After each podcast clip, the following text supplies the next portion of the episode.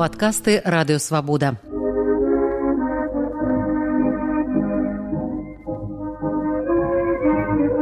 Сто гісторый пра БНР Сергеем шупам.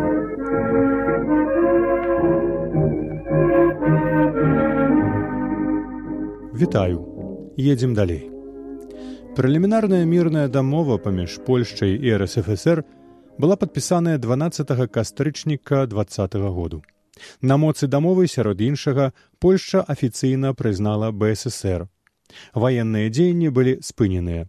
У тэрытарыяльным пытанні перамагла канцэпцыя ідэоляга польскіх нацыяналістаў рамана дмоўскага не браць зашмат, каб не ствараць лішніх праблемаў пры асіміляцыі мясцовага насельніцтва. Апанент дмоўскага пілсудскі быў гатовы вярнуць польшчу да межаў рэчы паспалітай 1772 году і даць аўтаномію мясцовым народам.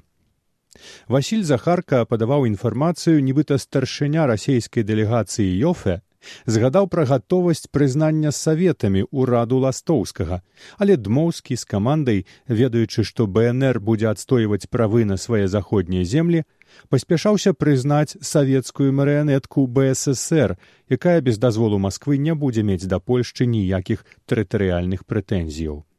Так менск застаўся на ўсход ад дэмаркацыйнай лініі пабыўшы там некалькі дзён увечары семнаццатого кастрычніка польскія вайсковыя аддзелы пакінулі горад.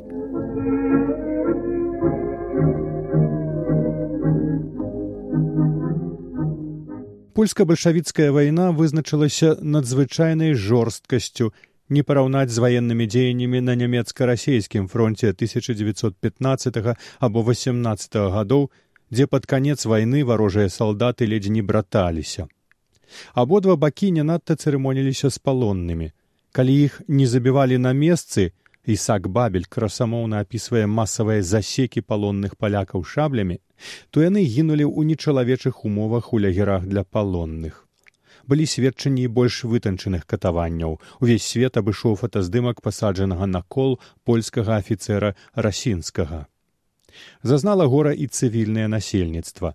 Калі немцы толькі рабавалі палякі маглі запраста і збіць і забіць ужывалася і практыка палення цэлых беларускіх вёсак пры адыходзе палякаў па беларусі пракацілася хваля даўно а можа і ніколі нябачаных тут пагромаў габрэйскага насельніцтва ў гарадах і мястэчках. На падпісанне прэлімінарнага міру паміж рассеяй і польшчай адрэагавалі ўсе беларускія незалежніцкія асяродкі. 20-21 кастрычніка ў рызе адбыліся нацыянальна-палітычная канферэнцыя і асобна канферэнцыя беларускіх сацыялістычных партыяў, якія прынялі рэзалюцыі з рашучым асуджэннем несправядлівага міру і цынічнага падзелу беларусі.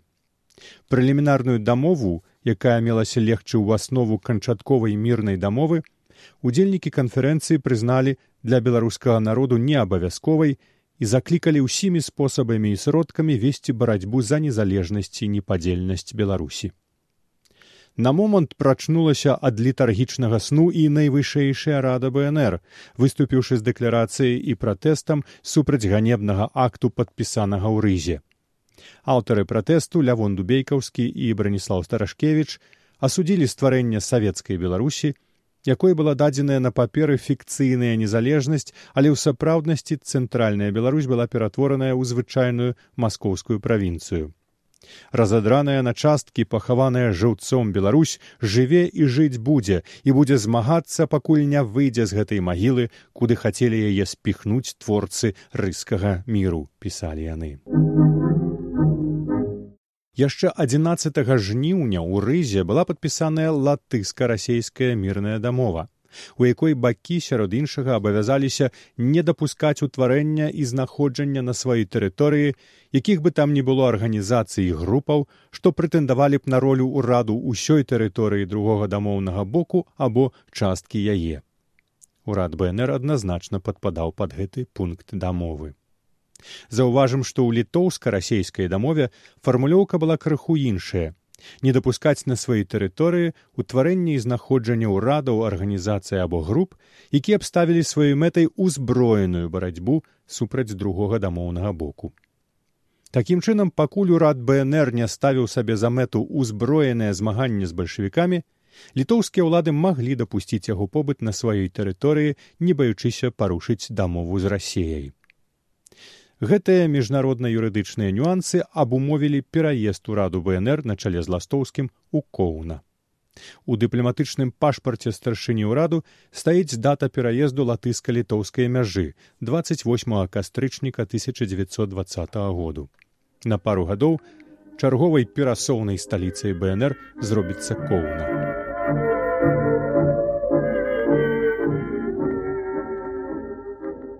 Новая палітычная сітуацыя, якая ўзнікла ў выніку страты літоўцамі вільні, захопленай бунтаўніком жалігоўскім, і падпісання прэлімінарнага польска-расейскага міру, паводле якога заходняя Беларусь аддавалася Польшчы, стварыла ўмовы для беларуска-літоўскага збліжэння.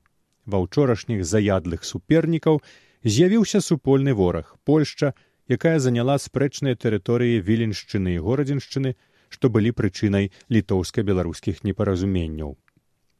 Прыбыўшы ў коўна ўрад БНР, падаў літоўскаму ўраду дэкларацыю, дзе зазначыў, што слаўнае мінуўшае вялікага княства літоўскага дае прыклады сходныя сучаснаму моманту.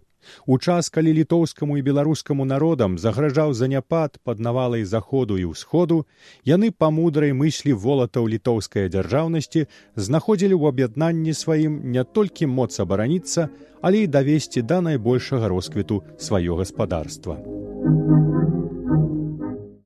Пасля неабходных кансультацыяў 11 лістапада 1920 году была падпісаная дамова паміж урадамі беларускай народнай рэспублікі і літоўскай рэспублікі.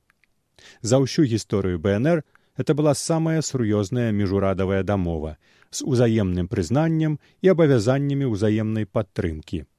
На моцы дамовы літва вызначала беларускаму ўраду і прэзідыум урады бнр месца афіцыйнага побыту на тэрыторыі літвы і надавала іх супрацоўнікам права экстэрытарыяльнасці. Паводле першага параграфу дамовы урад бнр абавязаўся далажыць усіх высілкаў, каб пры будучым польска-літоўскім плебісцыце беларусы жыхары падплебісцытных тэрыторыяў аддалі свой голас на карысць літвы. Што да пытання аб літоўска-беларускай мяжы, яго вырашэнне адкладалася да склікання правамоцнага прадстаўнічага збору беларускай народнай рэспублікі.